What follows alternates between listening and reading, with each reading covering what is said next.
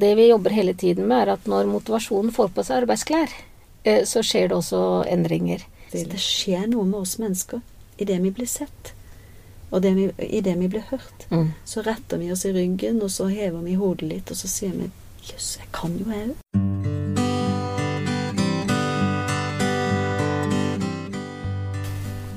Hei, velkommen til en ny episode av Selvmordspodden.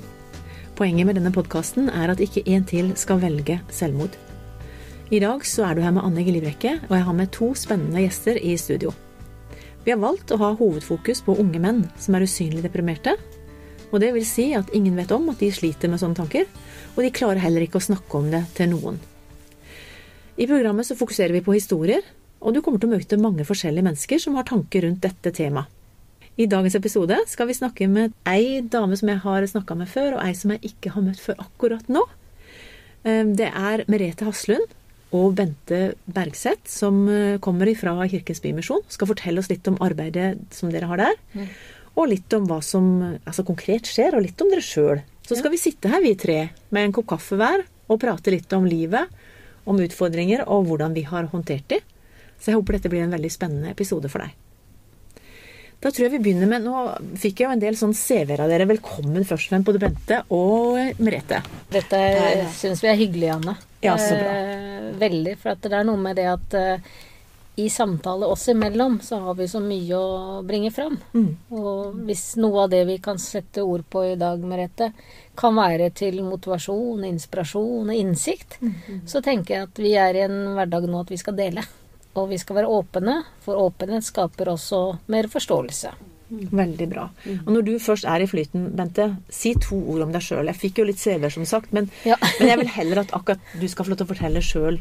Hva er din bakgrunn bitte grann? Hvem er du? Ja, jeg er en dame på 55 år. Jeg eh, bor i Grimstad. Jeg har en sønn som er 16 år. Så nå er jeg liksom inne i ung- ungdomspuberteten som mamma, da. Men eh, jeg er opprinnelig fra Oslo, og jeg trives veldig godt på Sørlandet. og er har faktisk blitt en sørlandsdame. Men eh, jeg kom ned til eh, Grimstad i 2000 pga. at jeg var med og startet Stine Sofie Stiftelse, Ja. som var et tiårsengasjement som har betydd veldig, veldig mye for meg. Og gjennom det arbeidet var det gründer, for jeg var jo gründer sammen med Ada Det var du og Ada som Ja. starta dette her. Det var det. Så, eh, så har jeg gått videre for ti år siden og ønsket å jobbe litt mer med forebyggende. Eh, litt mer eh, med ungdom som ønsker også litt hjelp i hverdagen. Det å se litt på skolevalg og alle de andre tingene. Slik at jeg har fått en glede å møte Merete, som er min gode kollega og min leder Mhm. i Kirken Bymisjon. eh, Og fått et eh, arbeidssted i Arendal nå som jeg stortrives med. Hvor lenge har du jobba i Kirkens Bymisjon? I fem år nå snart, tror jeg. Jeg tror det. Og faglig bakgrunn, fikk vi med oss den? Ja, eh, jeg har jo mye, da. Men Ja, ja. utgangspunktet så Det er maks en halvtime på Ja. dette intervjuet. Nei, vi skal gjøre den kort, men det som er det kanskje det viktigste, er at eh, etter at jeg slutta i Stine Sofies Stiftelse, så hadde jeg mye erfaring innenfor eh, tema vold, overgrep, og det er pga. at jeg har en oppvekst Mm. hvor det har preget min eh, hverdag. Så du har erfaringskompetanse. Jeg har erfaringskompetanse, ganske dyp erfaringskompetanse. Men så har jeg gått skole etterpå, for jeg hadde lyst til å jobbe mer som coach. Litt mer med karriereveileder. Mm. Og jobbe litt mer med voksne mennesker som eh, kanskje fortsatt streber, men man kanskje kan være den forskjellen. Så, så har jeg utdanna som typograf, jeg er markedsøkonom, jeg er skilærer. Jeg har gjort veldig mye forskjellige ting. Hei sann, det var litt av en Ja. bredde. Ja. Men er ikke det sånn livet er med oss alle? Mm. Det er at det går ikke bare én vei. Noen ganger så møter du ny utvikling, nye mennesker. Og så er jeg veldig nysgjerrig som natur. Slik at jeg alltid likt å skape ting. Jeg har alltid likt å være med og sette i gang aktivitet. aktivitet. Både som gründer, drive firma. Men jeg liker å jobbe med mennesker. Jeg elsker å jobbe med mennesker. Vi skal komme mer inn på det greiene, for dette med å være litt sånn gründer, Mm. det kan vi også bruke i forhold til når mennesker skal få en ny sjanse. Absolutt. For de ser jo ofte bare sine egne begrensninger Ja. og blir veldig bekrefta på det. Og så Ja. kommer de til dere og får Gulan, disse mulighetene hadde jeg aldri sett før. Så Merete, du må fortelle litt om din bakgrunn òg. Ja, ehm, først av alt, Anne, jeg må bare takke for at jeg får lov til å være her. Sammen med, med både Bente, som jeg også har veldig stor respekt for, eh, og som jeg er heldig å ha blitt kjent med for noen år tilbake. Jeg starta min karriere på en måte i Bergen. Jeg tok min utdanning der. eh, Lærerutdanna. Og så har jeg jobba innenfor forskjellige områder. Jeg var med å starte en litt annerledes barnehage.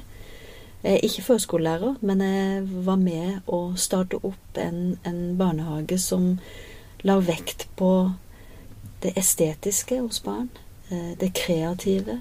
Det Ikke sånn Steiner Mus- nei. skole eller sånn Nei. Montessori, eller hva heter det for noe? Ikke sånn type? Nei, det var ikke det. Det, en helt, det var en helt annerledes pedagogikk. Helt ny på den tida. Ja. Eh, high scope-pedagogikk. Og, og, og der man la vekt på at barn skulle få lov til å være kreative, og legge vekt på det. Så gøy. Og det hadde jeg egentlig ikke sett helt for meg, at jeg skulle liksom gjøre noe sånt. Men eh, før jeg var ferdig med utdanninga mi, så ble jeg headhunta til å være med og starte det. Så der jobba jeg noen år, eh, samtidig som jeg eh, underviste litt i drama, og, eh, som jeg er utdanna i, og, og at jeg også hadde mitt eh, altså utøvende eh, gjennom musikk og sang og sånne ting. Så spennende Så jeg jobba med en del artister og korer for mange, og også vært utøvende sjøl. Jeg har eh, erfaring fra Den kulturelle skolesekken, som jeg har skrevet noen eh, ting for. Mhm. Og jeg har eh, samarbeid med mange forskjellige folk som, innenfor kultur og kulturformidling. Men din rolle inne i Kirkens Bymisjon Ja, og så var det det, da. Eh, og så begynte jeg jo å jobbe som lærer, men eh, der jeg jobba, der fikk jeg eh, Må si jeg ble ansatt på Roleden skole. Men jeg fikk lov til å fly litt innimellom. Da fikk jeg faktisk eh, permisjon til å gjøre ting som, som handler om kultur og eh, ja, turneer og artisteri. Mm. Så Roligheten skole var helt fantastisk mot meg på den måten. At jeg faktisk fikk eh, lov til å gjøre ting som jeg Mhm. også hadde lyst til. på Jeg synes det er litt spennende når du forteller om din bakgrunn, fordi at eh, du snakker om barnehage, du snakker om er det småskolen, er det ikke det? Jo. Bare tenke å komme inn så tidlig med å påvirke til å tenke litt annerledes. For det, nå er jo vi selvmordspodden, ikke sant? Og vi Ja. er liksom helt på den andre ytterligheten på, Ja. På når eh, ikke ting fungerer i det hele tatt. Ja. Og det er jo mange som har vært innom som snakker om at kunne vi ha begynt litt tidligere? Mm. Med å bygge opp den tryggheten og kreativiteten og andre måter å tenke på. Ja. Så jeg tenker det er så spennende og- og det- at du og har den bakgrunnen. Ja, og det der, der er jeg veldig tydelig på um, Eller har hatt mye erfaring med dette med, med å jobbe med små barn og psykisk helse. Ja.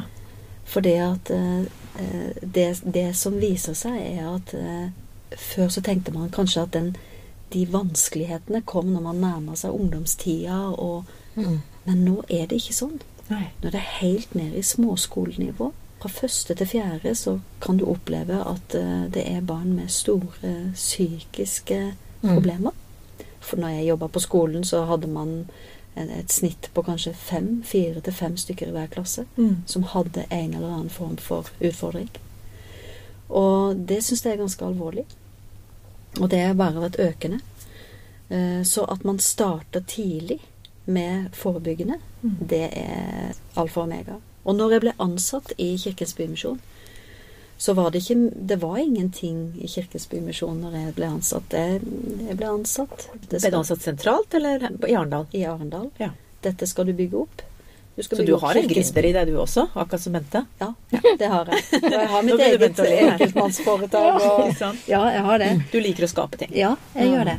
Og, og da, da var en av de tinga som eh, jeg husker jeg ble spurt om på intervjuet, hva liksom er du opptatt av? Jo. Og da har jeg jo litt erfaring fra skolen. Det er én ting som jeg virkelig brenner for, og det er at man starter med å få inn hjelp tidlig dersom man ser at det er Mm. utfordringer. Fordi at da kan man kanskje hindre noe i den andre enden. Mm. Når du er 18-19 og ser at livet ikke alltid er like lett. For det er det veldig mange ungdommer som gjør. Mm. Det er jo litt samme vel, Bente, som du snakker om, at du hadde lyst til å bryte opp, for du ville inn tidligere i fasen. Det er jo det og... Selv om de var ganske unge, en del av de som kom på Stine Sofie-stiftelsen. Ja, de det var var de. Mm, Men det var ofte mer voksne. Men mm, vi snakker ofte om et eh, ord som heter er bedre å bygge barn og reparere voksne'. Og det er et uh, godt begrep som jeg egentlig har hatt med meg gjennom hele livet. For uh, jeg har jo selv hatt en ganske vond barndom med mye vold og utfordringer. Og det var ingen som snakket med meg uh, som barn den gangen. Ingen Ingen, nei. Og som visste om det, men ingen ikke snakka mer om det? Nei. nei, og det her kom jo opp pga. at moren min ville skille seg fra min far. Ja. Og når hun forteller det, så har jeg to søsken. Jeg er midten, midten i søskenflokken, da. Så begynner min helsesøster å fortelle hva pappa gjør med henne. Mm. Og da sitter jeg sammen i den samtalen og egentlig ikke reagerer så veldig mye, for jeg, det var jo en del av oppveksten vår. Det var helt naturlig. Og det var det som gjorde det vanskelig. Eh, for jeg forsto ikke at det som skjedde i hjemmet, ikke var riktig. Vi snakket aldri om det. Det var veldig lukket. På skolen så var det heller ikke noe som fanget opp, for vi var jo velfungerende. Utapå var vi det. Mm. Og det var jo også noe av grunnen til at um, dette var noe som var viktig for meg å være med og, og gjøre noe med. Og når eh, vi fikk drap i Baneheia, så snakket jeg med Ada den gangen, for hun var en veldig viktig ressurs for meg i ungdomstiden. Mm. Og med at jeg hadde prøvd å ta opp igjen saken, for jeg ville at det ansvaret skulle plasseres på den som hadde gjort det, ikke jeg som blitt et offer. Mm. For jeg har aldri vært et offer, og jeg har aldri ønsket å være et offer. Jeg ser det på deg. Så, ja, jeg blir litt sånn. Eh, og da sa jeg til Ada den gangen at eh, ingen kan gi deg Stine tilbake, og ingen kan gi meg min barndom tilbake, men sammen kunne vi gjøre noe. Da bestemte vi at vi skulle starte en organisasjon på Sørlandet som het Stine Sofie Stiftelse. Og det var ganske kjapt etter eh, 19. mai. Det var det. Vi starta den i september. Og, eh, men året før det så ble min sak mot min far henlagt, slik at jeg hadde brukt ganske lang tid i, i tematikken allerede der. Slik at uh, den kraften som jeg fikk med meg når Stine dessverre sammen med Lena ble drept, så sa jeg også til henne at nå må vi gjøre noe sammen. Mm. For uh, det er så viktig å ta tak i tematikken. Og det krever ganske mye òg, men eh, jeg følte selv at jeg var veldig trygg i, i å gå i gang med det. For at eh, jeg er litt forsiktig med å snakke om min egen historie hvis ikke jeg klarer å ha balanse i den. For du tar på deg et stort ansvar når du løfter et så vanskelig tema ut. Men eh, gjennom de ti årene så, så så jeg hvor viktig det var, og jeg føler at jeg har gjort en fantastisk jobb. Men jeg ønsket å gjøre noe mer. For eh, de ungdommene som vi møter, sånn som i vår jobb, det er jo de ungdommene som har dettet ut av skolen. Som eh, kanskje har en historie bak seg som har vært mange årsaker til at de detter ut. Det bør ikke være vold. Det kan være mobbing, det kan være dysleksi, andre ting. Slik at de smertene og, og hverdagen blir så tung at de klarer liksom ikke mobilisere. Og derfor ønsket jeg sammen med Rete å gjøre en forskjell i Kirken Bymisjon. For vi har jo hatt nesten 300 ungdommer i de årene som Ja, for nå tror jeg det er mange som stusser. 300 ungdommer er Kirkens Bymisjon. Det er litt sånn Nå har vi snakka mye om antistigma med Verdensdagen. verdensdagen. Ja. Mange tenker på Kirkens Bymisjon som mennesker som kanskje har slitt med rusproblemer i mange år, og, og kommer inn der og får en kopp kaffe. Altså Det høres ille ut, men er jeg helt aleine med å tenke at dette kanskje er folks oppfatning av Kirkens Bymisjon? Jeg tror at eh, mange har en sånn oppfatning av I hvert fall har hatt det ganske lenge. Så fortell hva dere gjør nå, Eh, da. Vi er snakker Kirke- om ungdommer. Ja, Kirkens Bymisjon er egentlig så mye mer. Vi driver jo med mange forskjellige tiltak. Og i Arendal, bare for å nevne det, så driver vi med Ent og fritid, f.eks. Det er et ettervern for de som er ute av rus. Men man, man, man driver også med T5, som er for de som er i rus, og som kanskje, kanskje aldri klarer å komme ut. Men at det er et tilbud der for de, Mm. at de blir ivaretatt. Og så har man Skattkammeret, som er et utlånssentral for de som trenger å låne utstyr, altså det være ski, det kult navn. slalåmski, det være eh, slalåmsko, Mm. eh, eh, sykler, redningsvester om sommeren, SUP-brett. vi har masse ting. Fiskeutstyr, telt, soveposer, hengekøyer. Alt sånt som folk kan komme og låne. De som er under 20 år. De trenger ikke å betale noen ting for det. De kan komme til vårt skattekammer. Mm. Og vi kan eh, ordne klassesett. Sånn at f.eks. hvis en klasse skal på tur, så kan de komme og, og låne utstyr. Kjempestilig. Og så har vi en bruktbutikk med mye fritidstøy. Vi har eh, åpen barnehage, som er for, eh, ja, for foreldre og barn. Altså, de, kom, de kommer ikke og leverer barna fra seg, men foreldrene er der. Og dette er jo en fantastisk integreringsmåte for de våre nye landsmenn. Men det er også masse norske. Og Unnskyld det- meg, hvor mange og 50 ansatte har dere til alle disse tingene her? Ja, det, det som er så flott med Kirkens Bymisjon, det er det at det er veldig mange som har lyst til å være frivillige. Og vi ansatte en tiltaksleder f.eks. på hver, hvert tiltak. Mm. Og så har man frivillige i tillegg. Og det er Og dere har deres egen lille unit i Arendal. Dere er ikke helt like som Kristiansand eller Oslo eller andre. Nei, er det sånn nei, nei, det er vi er ikke, men Mm. vi har mange like tiltak også. Som, som har de samme navnene i jobb, skattkammeret, åpen barnehage. Det er likt. gjenkjennbart, liksom, Det er gjenkjennbart. Ja. Og det skal det være. Så i Porsgrunn så har man også en kafé, sånn som vi har. I Kragerø har man en kafé, Mm. og ettervern. Eh, Så stiftelsen vår, det er Aust-Agder og Telemark. Og da er det Arendal, Kragerø, Porsgrunn, Brevik og Notodden som er Mm. i den stiftelsen. Det som er så gøy, Anne, det er at eh, når vi starta i Arendal, så har jo vi bygd opp lokalitetene, innholdet, sammen med deltakere, frivillige og ungdom. Så det var ikke du og Merete som satt og planla alt, og så bare Nei, vær så god, nå kan dere komme? Nei. Og det er noe med at vi har jobba veldig tett med Nav Arendal i forhold til ungdom som er under 30 år, som søker sosialhjelp. Og det er egentlig veldig bra at vi har fått noen regler i Norge som sier at hvis du søker velferdspenger, så skal du bidra. Mm. Og det vi jobber hele tiden med, er at når motivasjonen får på seg arbeidsklær, eh, så skjer det også endringer. Og mange av de ungdommene som har vært med oss, som egentlig har vært med og etablert Kafé Torvet, eh, fullverdig kjøkken, eh, godkjent fra Mattilsynet, med inventar, innhold, rutiner, regler. Private label har jeg dere har. Dere har Yes. noen egne Ja. etiketter og alt mulig. Ja, vi har utvikla produkter. Vi, har, vi juser, vi lager veldig mye spennende. Og det er noe med det at når du er i aktivitet, du har et sted hvor du kan komme til, og du får opplæring, samtidig som at du forventer at noen venter at det skal komme.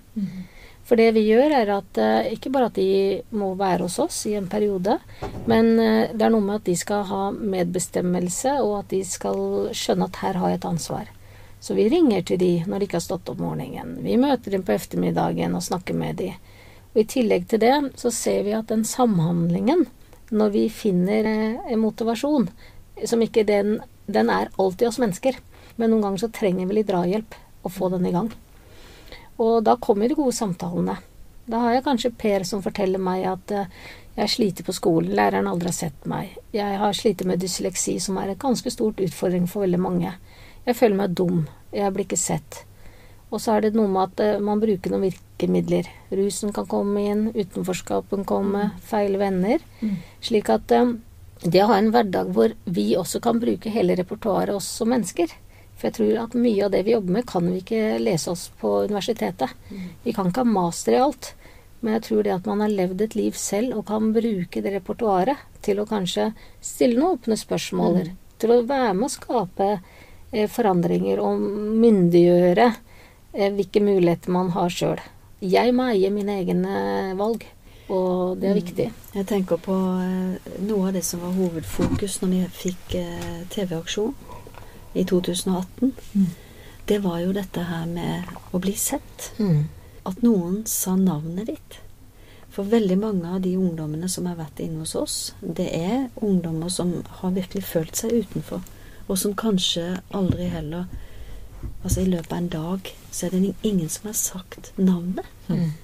Og når en tenker over det, eh, vi som på en måte holdt på å si fungerer helt greit i hverdagen og alt Altså vi, vi er vant til at noen Vi blir sett hele vi blir sett, og noen sier 'Bente, kan du gjøre det?' Men så er det noen som da eh, ikke opplever at noen sier navnet, Mm. og hvilken og stor betydning det faktisk har. Mye større enn vi egentlig Det har ikke jeg tenkt på engang. Akkurat det. Og da Men er dere litt bevisste på det når det kommer inn folk? Ja. At dere kaller dem med Ja. navn? At jeg er jo helt elendig på navn. Hvordan får dere det til? Jo, men det, det må vi Det, Dere driller er dere på at det er til en å del av- lære oss, også. For det, at, eh, det er så viktig for de som kommer inn, at vi sier 'Hei, Pål. Så koselig å se deg i dag. Vil du ha en kopp kaffe?' Mm. Men er det bare folk som sliter, eller ungdommer som sliter, som kommer inn der, som Nei. har på en måte droppa ut, eller sånn? Eller kan Nei. hvem som helst som kjenner jeg trenger en plass å bare bli Ja, sett litt? Ja, ja. Vi har jo en stor målgruppe som jeg har ansvar som heter eh, Vi har noe som heter Bra skole. Og det er et samarbeid med Arendal voksenopplæring, hvor vi har eh, nye innvandrere som har kommet til Norge, som har etablert seg her, som får språkopplæring. Men det vi ser at veldig mange som kommer fra andre kulturer, har jo enorme ressurser. De er så dyktige og så arbeidsvillige mye av det de gjør, men de trenger å bli møtt, og så trenger de å lære seg språket. Og så har vi i Norge ganske store krav på leveranse, iallfall i forhold til mat, hygiene, risikostyring osv., og, så og det lærer de hos oss, samtidig som har mattrening. Eller arbeidstrening. Men det som er bra, det er at når vi snakker med, med, med de, så hjelper vi så mange flere. For at de har familier, de har barn. Eh, slik at eh, her er det så mye større enn bare det enkeltmennesket vi møter. For hva gjør det når eh, en som kom hos oss, som var i første når hun endelig kunne komme og komme på jobb, selv om hun var i arbeidspraksis, eller var frivillig, så ville hun kunne komme hjem og så fortalte hun til sønnen sin på fem år, da, nå har mamma vært på jobb og opplevd de og de tingene, selv om det ikke var en lønnet arbeid i starten, så var det noe med det at de gjør noe med barna. De gjør noe med familiekonstellasjonen. At du kjenner at du har fått nye inntrykk. Så både egenverdien, Ja, det er Egenverdi. verdi. ja, Mm. men også at det får innvirkninger for hele familien. Hvor mange forskjellige sånne eh, eller land er representert hos dere? Oi, vi har hatt over Nå må jeg bare 16, tenke, altså. Jo, det er mange, ja. mange. Ja, Eh, Bente er god med tall. Ja, Ja. litt. Bare rett fram. 16. Men det som, er, det som er litt gøy, det er at det er enda flere. Ja, Bente, ja. det kan være. Men det er Ja. noen eh, kanskje nasjonaliteter som er eh, større enn andre. Mm. Og de som jeg jobber, har jobba med i to år nå, det er jo eh, arabisktalende. De er flyktninger fra krigen i Syria, Kan du arabisk nå? Nei, jeg har prøvd å lære litt, men det er fryktelig vanskelig. Det. Men det er noe med det også, eh, som du sa innledningsvis, at eh, det er viktig å, i en jobb vi gjør, at vi har gleden i det vi gjør. Og at vi er litt uhøytidelige på det vi gjør. Og det husket jeg de årene jeg jobba i Stine Sofies stiftelse, så er det mye tunge historier som kommer fram. Og møtet med menneskene kan være ganske vanskelig, men det er ikke alle som kan komme inn og ha den gode samtalen med klokka to og tre. De må kanskje gjøre det på andre arenaer, slik at man ser at her har jeg en tillit, her er jeg trygg. Eller kanskje det er mye lettere å snakke om livets vanskelige sider når jeg står sammen med Merete og juser, eller lager en god middag, eller står foran gryta og diskuterer hva skal vi gjøre i morgen. Der skjer det veldig mye bra. Vi hadde en norsk ungdom inne, og det var i 2016. Og eh, jeg syns han er et veldig godt eksempel Ja, fortell noen storyer, de trenger ja, å høre. Han er et veldig godt eksempel. Jeg var sånn, Unnskyld at jeg skulle ønske at du hadde en sånn der fortellergreie hvor jeg kunne bare sitte og, og lese fra en bok, eller så, for jeg blir helt fascinert. Du har sånn fortellerstemme. Ja. Det har du sikkert hørt før. Men fortell. Det var Og det, han, han får jeg lov til å, å bruke. Eh, kan si det som PC. Han kom inn som en av tolv ungdommer. Mm. Eh, og da utvikla vi sosialt entreprenørskap. Og de var sammen med oss et helt år, disse tolv ungdommene. Og PC, han eh, kom med en stor, tjukk jakke midt på sommeren. Usikker, litt sånn skeptisk. Og så starta vi med å tenke hva er det vi skal sette i gang med? Hva er det vi skal, hva er det vi skal gründe? Mm. Og så ble det etter hvert juice. Mm. Og vi på Vi var hjemme på mitt kjøkken og, og, og satte i gang med en jusmaskin og prøvde forskjellige ting. Og det han uttrykker da senere, det er at han fikk en juicy start på livet sitt. På det nye livet sitt, da. på sitt nye liv. Mhm. Og han ble mer og mer han, Etter hvert tok han av seg den tjukke jakka og ble mer og mer trygg. Og ble kanskje også en av de som vi faktisk brukte etter hvert. Eh, som han fikk til og med litt lønn. Mm. Og vi så på han som en veldig flott ressurs Mm. inn i vår sammenheng. Og det er jo også noe med sosialt entreprenørskap at man etter hvert Dette skal jo være økonomisk bærekraft i det. Mm. Og det er vanskelig eh, for en ideell organisasjon Mm. å, å drive sosialt entreprenørskap. Mm. Men i hvert fall eh, Han hadde et ønske etter hvert å ta og bli eh, en utdanning og bli psykolog. Mm. Og han har gått liksom hele den veien. Mm. I det året så har han vært innom hos oss flere ganger, fått litt veiledning, fått litt hjelp til å komme seg videre. Og nå vet jeg at han er, tar utdanning i Kristiansand, på Ja. høyskole. Ja, det er, Og Det er noen storyer som er det er eh, fantastisk. Mm. Og, og han er en sånn en typisk sånn Mm. Som jeg liksom virkelig kjenner at der tror jeg vi lykkes med å nå inn og gi han den ballasten som han trengte for å kjenne at han hadde en verdi. Han var ganske stor. Han er gått inn for å spise sunt. Han, altså plutselig så er han en helt annen. mm. Og blir en helt annen. Både kroppen og mentaliteten og Holdningen, alt. Holdningen. Alt. Så Så det skjer noe med oss mennesker idet vi blir sett, og det vi, idet vi blir hørt. Mm. Så retter vi oss i ryggen, og så hever vi hodet litt, og så sier vi Jøss, jeg kan jo jeg òg. Mm. Veldig det bra. er viktig, altså. Dere er jo veldig konkrete, Bente, i den hjelpa dere gir. Nå har vi snakka om verdensdagen, vi skal Mm. spørre om folk har det bra, men, Mm. men folk trenger jo litt mer også. De trenger jo ja, den det.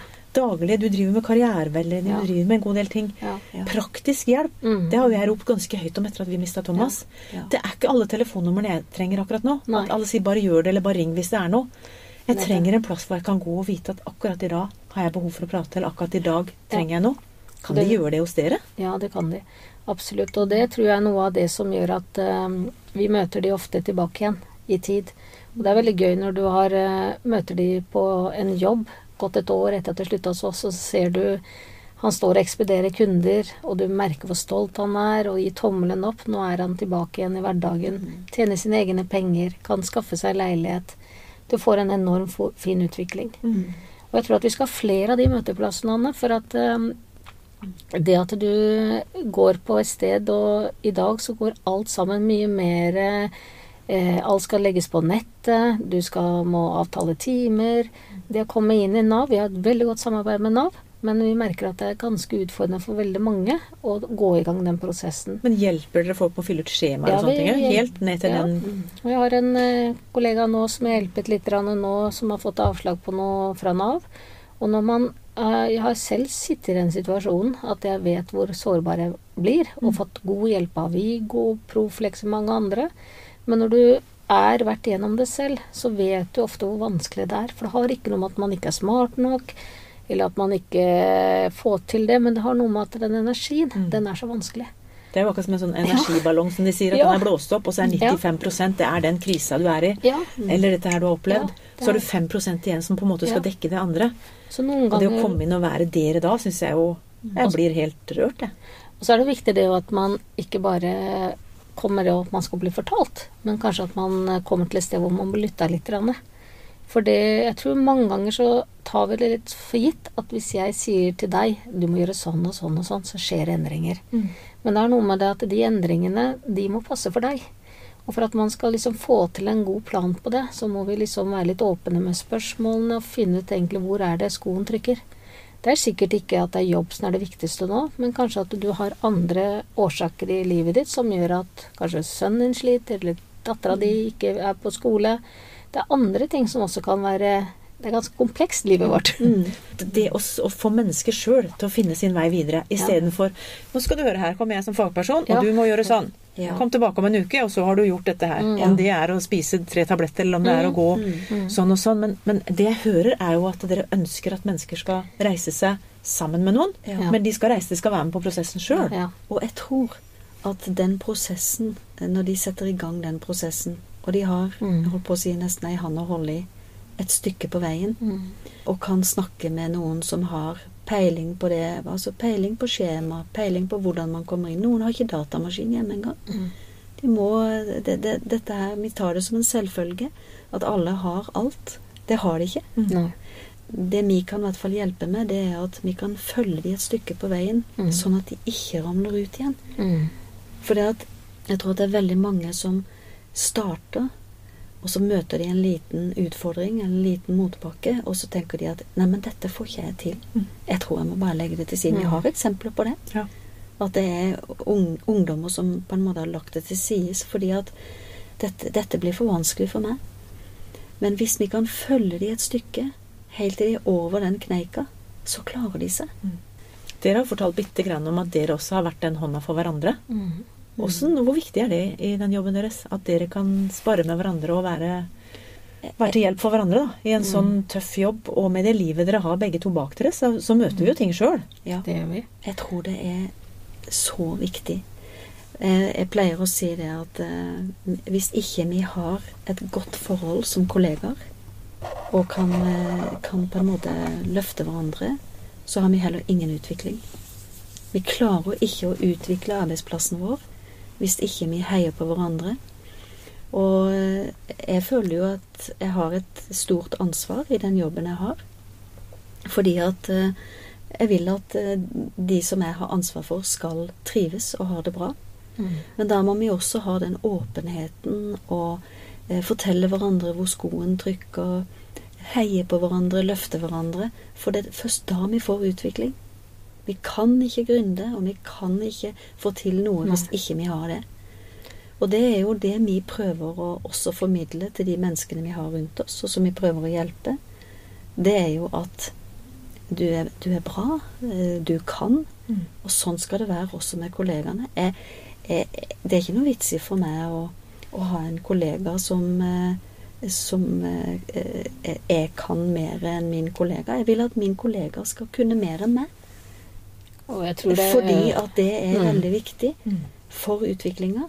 Jeg kan noen ting. Bente kan noe annet. Eh, og sammen eh, blir vi dynamitt på den måten. Så tror jeg det er viktig med dette at eh, sånn som en- du, Anne, som driver eh, den podkastingen, at vi alle sammen, ved å kunne jobbe litt sammen på tvers med hverandre, så får vi fram mye mer. Mm. Og så er det noe med det at eh, det ikke jeg kan i dag, eller det jeg kjenner at livet mitt byr på i dag, hvis jeg er litt åpen med det, så er det også mye lettere for at andre skal forstå det. Og noen ganger så Det vet jeg fra det jeg selv har vokst opp med, og det jeg har jobbet med, så hadde jeg enormt stor selvtillit på barn på noen områder. Og det var pga. at jeg brukte idretten som min terapikanal i oppveksten. Jeg ble kjempegod i fotball, jeg ble kjempegod til å stå på ski. For det var der jeg fikk mestringsarenaene. Men de andre arenaene hvor ikke jeg ble sett, hvor jeg ble krympet, der gikk det på selvfølelsen min. Jeg er kjempegod på å jobbe, men ennå så bærer jeg jo fortiden med meg, for jeg har fortsatt sårbarheten pga. at eh, den har jeg lært å takle. Jeg har lært å leve med den. Men det å ha en leder eller en kollega, og som jeg sier til deltakerne, så er de mine kollegaer. Jeg sier aldri at de er deltakere. Jeg forventer like mye av de som de forventer av meg. Men det tror jeg at vi jobber med voksne mennesker. Og da må vi jobbe med respekt. Og da må vi også tilrettelegge slik at alle kjenner at her er det ikke noen forskjell. Jeg står og vasker toalettene. Jeg går oppvasken. Det er noe med det at vi er sammen for å skape en bedre framtid. Og da må vi begge Da må alle sammen gå inn og ta den delen. Og det tror jeg er noe av det som er Jeg liker veldig godt med Merete, og blir kjent med deg, Anne, at eh, vi som mennesker, ved å sette oss litt sammen der, og ikke heve oss over noen, men heller gå med noen, så er det mye gøyere for meg, og det skaper også en bedre mulighet for andre. Kjempestilig. Jeg har lyst til å si at uh, min, min bakgrunn og mine opplevelser fra jeg var uh, 13, uh, når min far omkom på Alexander Kielland-plattformen, så eh, Vi snakka noe om dette her med at det er mange ulike Mm. måter man Og ulike grunner til at man detter utenfor, og at man får utfordringer i livet. Men som jeg sa til Bente før vi kom inn her, og det var at en av de tinga som har betydd veldig mye for meg i min ungdomstid, det var de menneskene jeg møtte på veien, som på en måte løfta meg videre. Som hjalp meg på en måte over den kneika, og som førte meg inn i, i, i, Mm. altså, i ulike områder. Og når jeg har eh, foredraget som jeg har kalt eh, 'Når livet setter spor', så handler det om så mye av det som jeg opplevde som 13-åring, men masse av det som Hvordan kommer man videre? Mm. Hva er, det som, vil, hva er det som gjør at man kommer seg videre? Hvilke mennesker er det som har betydd noe helt spesielt for deg? Jeg tror at i den jobben vi har, så har vi Vi snakker om respekt, vi snakker om rettferdighet, og vi snakker om omsorg. Mm. Vi snakker om å se hverandre. Og hvis vi går litt bak de orda, og, og prøver å forstå hva er det egentlig de orda betyr, Og da snakker vi med en gang om at ok, det, det er noen ord, men hva med handling? Og det er der jeg tror at den største utfordringen for oss mennesker, det er at vi kan si mange fine ting, men når det kommer til handling, så er det alltid mye vanskeligere. Mm. Og det, dette syns jeg er kanskje noe av det mest utfordrende med det å jobbe i Kirkens Bymisjon. Det er at vi har mange flotte visjoner og vyer, men hvordan skal vi få gjennomført alt det vi ønsker å få gjennomført? Og mye klarer vi, men vi har fortsatt et stykke igjen. Mm. Veldig bra. Da begynner vi å nærme oss slutten av podkasten. Mm. Og jeg syns det har vært en sånn rød tråd her med dette med å Altså det å skape samhørighet i forhold til Altså det å ta med folk i den kreative greia. Mm. Og også tenker jeg helt til slutt vi må få med hvor er det Kirkens Bymisjon i Arendal er? Mm. Og hvordan, altså Er det faktisk sånn at en Nå er jo vår målgruppe kanskje disse unge gutta. Mm. Hvis det kommer en som sliter og har eh, ja, kanskje kommer litt i økonomisk uføre, eller at et eller annet sliter med, kan de bare komme innom dere? Mm. Ja, de kan det. De kan komme på Torvet i Arendal. Midt i sentrum. Midt i sentrum. Midt i sentrum. Mm. Rett- Vi skal flytte ned i nye lokaler. Så alt vi har, det kommer til å være der. Men er det mandag, tirsdag, onsdag, torsdag hver dag? Eller er det helgene? Eller når er dere åpent? Ja, det er litt Ja. forskjellig Altså, kafeen er oppe hver dag. Ja. Eh, Nå fra november så blir den oppe med mandag til fredag. Og så har vi langåpen på torsdagene. Og da har vi noe som er litt morsomt, for da har vi noe som heter Spis sammen. Da lager eh, klassen vår god mat. Skole. Eh, bra skole. Mm. Ja. Og så kan de komme og spise et godt måltid, 100 kroner med kaffe. Eh, og så er det jo mange folk som er i jobb da, og da har man jo også muligheten å bli litt kjent. Eller Så man kan komme der selv om man ikke sliter, bare Ja, for man har ja, lyst på ja. godt fellesskap, liksom. Og husk det at det som vi ønsker å gjøre, er å være en bro ut med de som kanskje er hjemme. Eh, Det kan være gutter eller jenter som ikke er på skolen, hvor de bare har låst seg nede i kjelleren, ikke vil komme ut. Vi har lyst til å nå de, slik at vi kan prøve å være en forskjell nå og bygge opp, slik at framtiden kan bli bedre. Så Skattkammeret er jo en kjempefin del. Eh, Den er oppe tre dager i uka. Kan gå inn på Facebook og se på Skattkammeret, Kirken Bymisjon. Da kan du lese litt om de forskjellige tiltakene. Så er det bare å spørre etter eh, Bente, eh, eller Merete, hvis man er i Arendal.